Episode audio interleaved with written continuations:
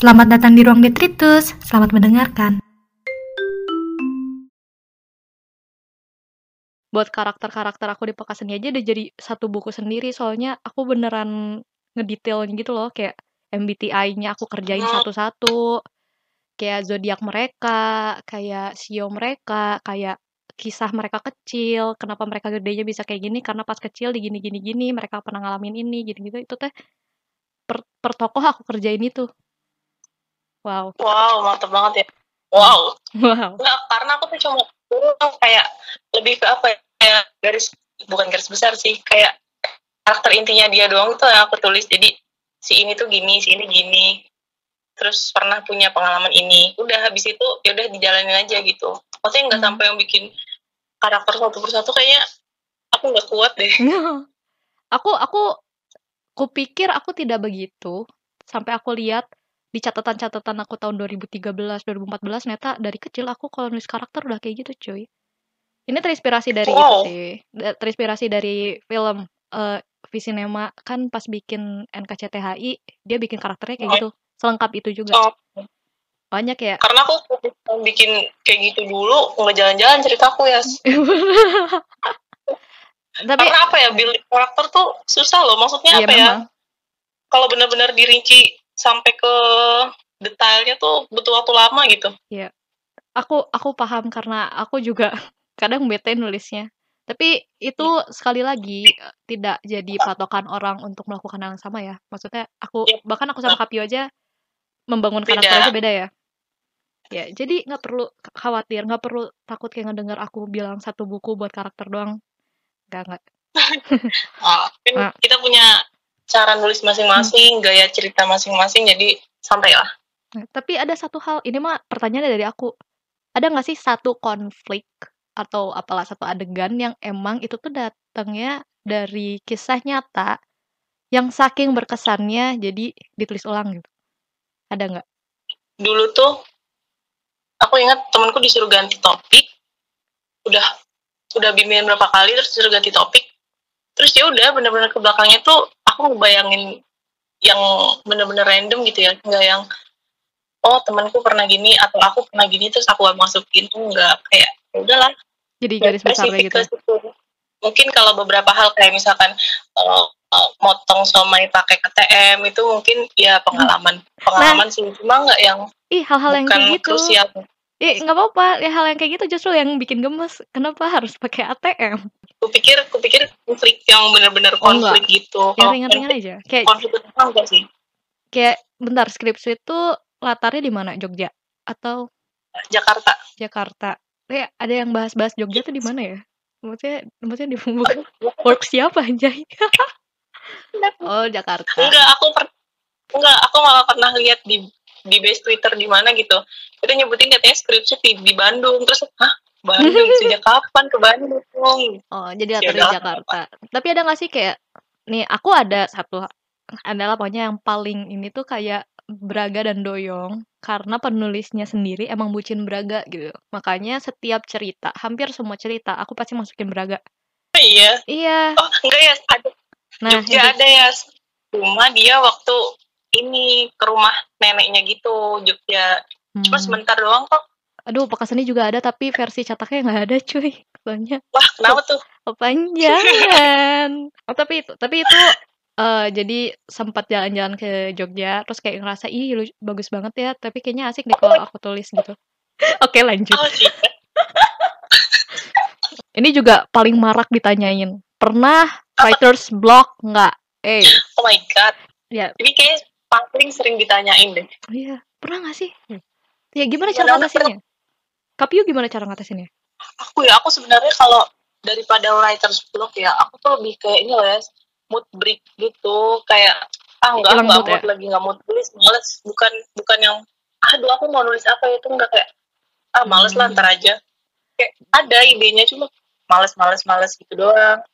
Nah, terus untuk untuk keluar dari rasa malas itu, Kapiu melakukan apa? Aku bisa cari mood sih kayak nonton video atau baca cerita atau pokoknya kayak quality time gitu sih sama diri sendiri Itu mah kayak memang kita paham bahwa diri kita butuh istirahat nggak sih? Mungkin Mungkin. tapi kalau writers block sebenarnya aku aku nggak tahu ini writers eh writers block atau bukan tapi kalau ide tuh ya nemu aja gitu lah ya ya kayak gitu Hmm. kayak misalkan tiba-tiba motong somai pakai KTM Hmm. atau ngapain ya gitulah. Itu itu unik by the way motong siomay pakai ATM dulu aku baca novelnya Esti Kinasih motong kue pakai penggaris lucu. Jadi kayak ya aku aku ya, aku aku pernah baca tuh. Itu Fairis Fairis Fairis Fairis ya makanya yang kayak ngomong nggak apa-apa lah banter-banter juga sakit perut. Itu tuh nempel banget di otak aku. Nah kayaknya asik tau kayak adegan-adegan kecil yang buat kita itu sederhana tapi kayak nempel banget di kepala yang baca. Wow. Nah kayak adegan sederhana yang apa ya istilahnya lekat gak ya ya kayak kalau yang lekat-lekat tuh biasanya lebih ini ya lebih masuk akal dan berkesan hmm, Nah, kalau kalau aku aku karena aku pernah kayak udah di depan laptop, aku udah mau ngetik tapi aku nggak tahu aku mau ngetik apa. Lebih ke ada hal yang mau aku gambarin tapi aku bingung ngabarinnya apa, kalimat apa yang harus keluar. Tapi biasanya aku ngerasa itu berarti diri aku tuh lagi di limit aku gitu, maksudnya lagi capek. Makanya ya biasanya aku tidur, baca WP, baca AU, barulah nulis. Jadi kayak ma- macam-macam sih, kayak ada temenku yang kena water uh, writer's block tuh dia malah jalan-jalan, cari makan, udah kenyang, dia pulang terus dia paksa dirinya. Ada yang sengaja pergi keluar buat ngetik di luar. Nah, itu aku juga salah satunya. Ada yang pokoknya dipaksa nulis mau seberantak apa pun yang penting uh, ada target nulis per hari gitu loh. ada yang nggak bisa dipaksa tapi ada juga yang harus dipaksa Aku nggak bisa sih kalau maksa jadinya berantakan banget jadi nggak kehatian kayak gak deh. Iya, nggak bisa. Hmm. Aku maksa nulis tuh kalau lagi nggak mood bisa revisi 3 sampai empat kali buat satu sub chapter gitu, buat satu scene deh. Aku bukan tipe yang suka revisi-revisian by the way. Termasuk tugas. Jadi biasanya aku ngerjain lama banget. Ya, aku tipe yang kayak gitu. Jadi aku mending ngerjain lama tapi aku nggak perlu beresin dibanding aku beresin dulu deh nanti aku revisi revisi nah gitu. Ya, makanya aku banyak banget typo biasanya kalau baru ini typo typo. Oh, aku kalau proofread sendiri tuh di apa sih di wetpadnya biasanya sampai belasan kali bekas proofread gitu loh satu scene. Wah, Saking nggak mau tipe kayak aku sih tipe jangan jangan tipe gitu loh. gatel ya ngeliat. Gak nikmat loh ada tipe serius deh. Asli, aku, aku juga kadang gatel tapi males. Hehe. Oke, lanjutnya. Alur monoton. Ini sebenarnya aku bingung sih. Akan ada yang nanya nih, gimana caranya menghindari alur, alur monoton. Cuma buat aku pribadi ya. Ini aku mencoba meralat, cuman kalau aku masih salah, tolong ralat balik aja. Kayaknya sih dibanding disebut alur monoton, lebih ke alur lambat kali ya. Jadi di sana aja nggak nggak cepet-cepet ke klimaks atau nggak cepet-cepet ganti klimaks gitu. Kayak manis-manis aja terus. Kok nggak ada cerai-berai berantakan duar ya gitu. Ya tapi untuk menghindari si alur lambat ini kayak aku juga bingung sih. Lebih ke mengurangi keinginan untuk memasukkan segala hal ke dalam tulisan. Nanti naskahnya Bisa. kepanjangan. Alur monoton tuh aku tadinya mikirnya kayak flat gitu loh ya. Kayak yang apa ya? Flat. Ya udah Iya. gitu aja ceritanya. Kayak nggak Iya. ada, iya bener kayak kamu kayak nggak ada lika-likunya gitu. Iya, Kayak ya aku aku kurang tahu juga sih monoton soalnya kalau aku pribadi kalau misalnya lagi pelajaran pelajaran, lagi matkul kayak perfilman dan lain-lain dan lain-lain, kalau misalnya bahas soal alur itu itu adanya alur lambat, alur alur cepat atau ada yang biasanya kita sebut tuh kayak padet kayak film apa ya? Biasanya film-film dari novel-novel tebal yang harus jadi satu film itu biasanya alurnya padet kayak Harry Potter, kalau film Indonesia mungkin Perahu Kertas itu termasuk yang padat. Eh, tiap Bener, scene beda tuh pasti adegan yang mempengaruhi gitulah pokoknya. Nah, untuk menghindarinya, gimana ya? Kayak apa ya? Explodingnya tuh nggak terduga gitu loh. Kayak tiba-tiba di tengah kepikiran, oh iya nih kayak gini nih. Aku bukan yang ngerencanain apa sih namanya konflik berat gitu loh. Jadi kayaknya kurang paham deh kalau monoton tuh kayak gimana. yes, sama aku juga kurang paham. Tapi berkaca dari aku dulu zaman SMP nulis monoton, ya karena itu aku tuh aku ngerasa kayak wah ide ini bagus, wah ide itu tuh bagus. Aku masukin semua, aku masukin semua, wah, panjang deh 700 halaman kayak kemarin bekas seni. Ah. Ya, jadi ada memang harus kita yang nahan gitu loh maksudnya. Ya, itu mungkin ide yang bagus tapi belum tentu tepat di sini gitu. Kalau aku sih menyarankan buat kalian yang selalu punya banyak ide kayak untuk dicatat dulu aja gitu. Nanti kalian pick mana yang sekiranya pas untuk dimasukin. Ya, mau gak mau harus pick sekian dari sekian gitu. Iya. Ya kalau soalnya kalau semuanya nanti panjang ya nanti ya gitu. Jadinya alurnya monoton. Dah, mari. Tapi ini cuma berdasarkan pandangan kita berdua ya ya, Iya. maksudnya nggak mewakili semua penulis yang ada gitu Iya, kan. betul betul. Mungkin mereka punya pendapat lain. Ya, sekali lagi mari kita disclaimer bahwa ini opini pribadi. Ye.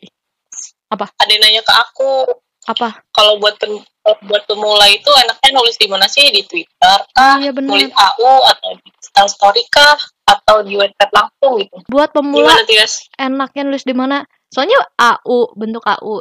Eh, AU eh, di WP kan bisa jadi AU atau mungkin maksudnya yang di Twitter kayak chat Yang Gitulah ya. Itulah ya yang kayak itu. Tergantung kamu passionnya di mana. Kayak aku sama Kapyu aja kalau misalnya ngelihat dari jumlah halaman dan words, kayak kemungkinan aku eh, tipe yang lebih banyak nekanin di dialog makanya dia banyak enter enter enter enter. Kalau Kapyu mungkin lebih banyak narasi jadi kayak satu halaman tuh bisa paragraf paragraf paragraf dan itu sangat-sangat tidak masalah. Ya bener nggak sih? Enggak, aku campuran kok mix. Ah, aku mix, cuman eh apa ya, condong ke mananya gitu loh. Ya, Kapyu 130k, aku 100k. Tapi aku 700, aku nggak 700, aku tuh masih 500 Oh, iya. halaman, Kapyu 400. Iya, Ya. ukuranmu beda sama ukuranku. Bener juga sih. Tapi ya, uh, I mean, mungkin maybe gitu. Soalnya aku emang emang tipe yang dialognya tuh bisa kayak pendek-pendek, jadi gitu ya. banyak enternya gitu. Hmm. Kayak ya gitu lah.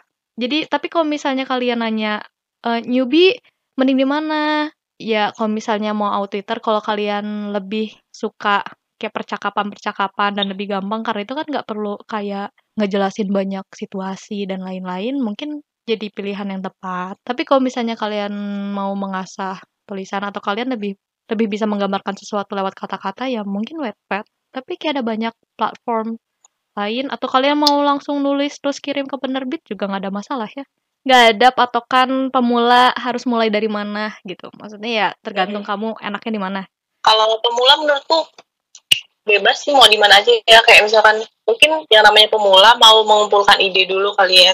Hmm, Kalau mau di Twitter boleh, di Instastory boleh, mau langsung ke website juga nggak apa-apa.